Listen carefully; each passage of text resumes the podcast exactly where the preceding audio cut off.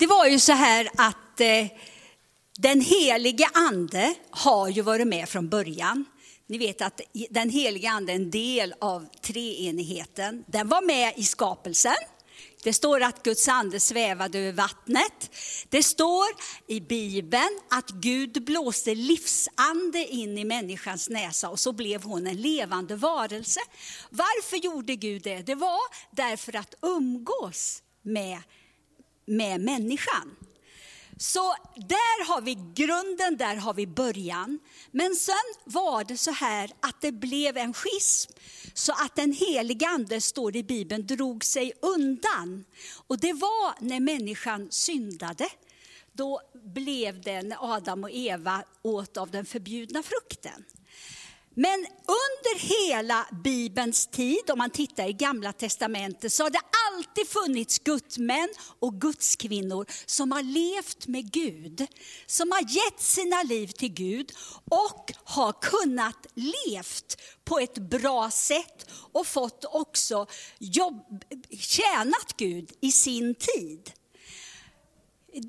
Flera profeter, och då framförallt eh, eh, Jesaja, som Gunnar älskar väldigt mycket, han kom ut och talade ut vad som komma skulle 700 år innan det skedde.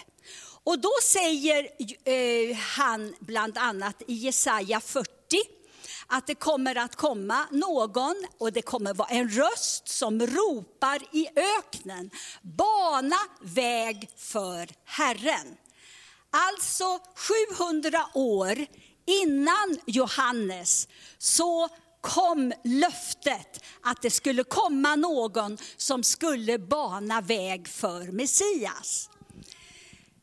Så går vi fram då 700 år. Eh, Sakarias, han är överste präst och hans fru Elisabet var ofruktsam, står det i Bibeln. Men han fick löftet och de fick en son, gudomligt, och de gav honom namnet Johannes. Och han var den som skulle bana väg för Jesus. Redan när Elisabet hade Johannes i magen, så hade Maria som var släkt med Elisabet gått upp till bergen till Elisabet för att hon var ju havande med Jesus. Och de var tillsammans där och då står det i Bibeln att barnet i Elisabet spratt till när Maria med barnet Jesus inuti sig. Så redan där i moderlivet var det en förening i anden. Kan du tänka dig det? Ganska häftigt. Jag blev riktigt rörd när jag läste det. Eh, och sen då så går det 30 år Johannes förbereder sig på sitt håll och Jesus på sitt håll. Och nu är tiden inne. Johannes är i öknen. Han, det, han lever enkelt, han äter enkelt och han ropar i öknen. Bana väg Bana väg, gör bättring, himmelriket är nära. Läser Bibeln får du se. Det står både i Matteus, Markus, Lukas och Johannes i början. Det kan du läsa ikväll om du inte tror mig. Ja, och där i alla fall så börjar det. Han, människor kommer av alla slag och de frågar honom, vad ska vi göra? Och han talar till saduceerna på sitt sätt och till de olika människorna på sitt sätt. Och talar om hur de skulle göra. Och han var ganska stark, och rak kan man säga. Han var rak, han var tydlig.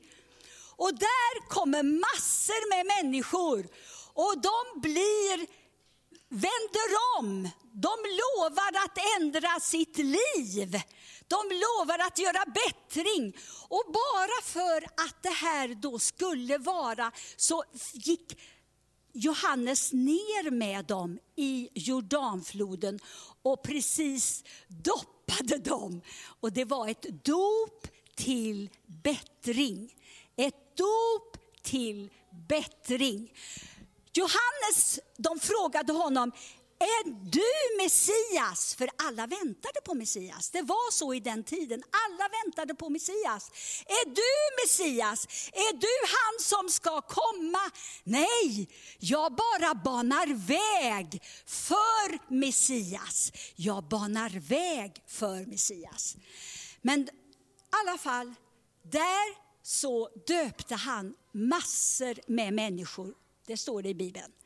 Ja, nu var det så här att tiden var inne för att Jesu gärning på jorden på de här tre åren som han hade, att det skulle börja. Och Johannes får se Jesus komma dit. Och Johannes säger, se Guds lamm som borttager världens synd. Och folket som var där fattade nada. Vad pratar han om? Se Guds lamm.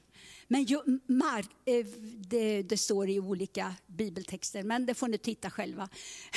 Eh, Jesus går dit och nästa dag så kommer Jesus tillbaka. Och då säger han till Johannes att han ska döpa honom. Johannes sa, jag är inte ens värdig att knyta hans skorem.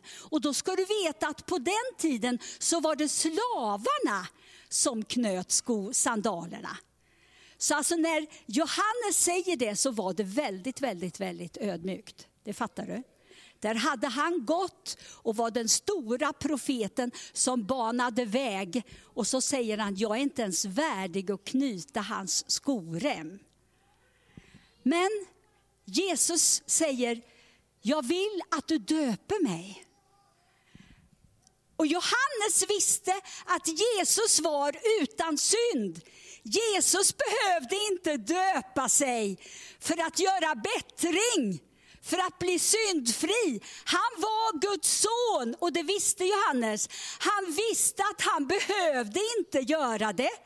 Men Jesus sa, gör det. Det måste ske. Och så går Jesus ner i vattnet och blir döpt av Johannes.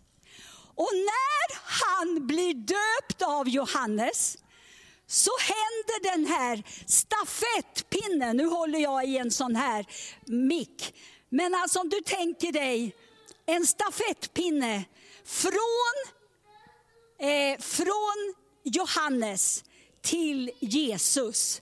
Det var det som skedde.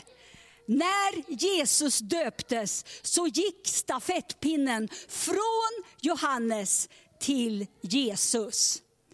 Johannes han hade några lärjungar som hade varit med honom hela tiden. Och en av dem var Andreas. Andreas, och i, i Johannes så står det att Johannes också var med där. Så de två blev en av Jesu tolv lärjungar. Och Johannes uppmuntrade dem att följa med Jesus. Och Jesus frågade dem, följ mig. Och de följde Jesus. Så här var en av de största händelserna som skedde för att det som sedan hände under de här tre åren skulle bli till. Och när Jesus nu döps så öppnas himmelen. Guds härlighet kommer. En duva sänker sig ner och en röst hörs. Och den rösten är Guds röst och den säger, denne är min älskade son i vilken jag har funnit behag. Denne är min älskade son i vilken jag har funnit behag. Där föddes den helige ande kom och sänkte sig ner över Jesus. Gud talade, treenigheten fick bli etablerad på nytt här nere på jorden. För att det som skulle ske under tre år när Jesus gick här nere skulle få bli till. Så vad i eh, ett av de hebreiska orden för den här stunden så står det kabos. Och det betyder Guds härlighet, Guds närvaro. Och vi älskar Guds närvaro, eller hur? När Guds ande kommer och vi bara känner hur Herren och den helige ande fyller oss. Det är Guds närvaro, Guds härlighet. Och det skedde där när Jesus döpts, När han lydde, ödmjukade sig. Stafettpinnen tog Jesus för det som skulle komma. Så vad lär vi oss av det här? Ödmjukhet. Att lyda. När vi lyder, då kommer Gud med sin härlighet över oss. Och Guds närvaro, det är det vi vill leva i. Amen.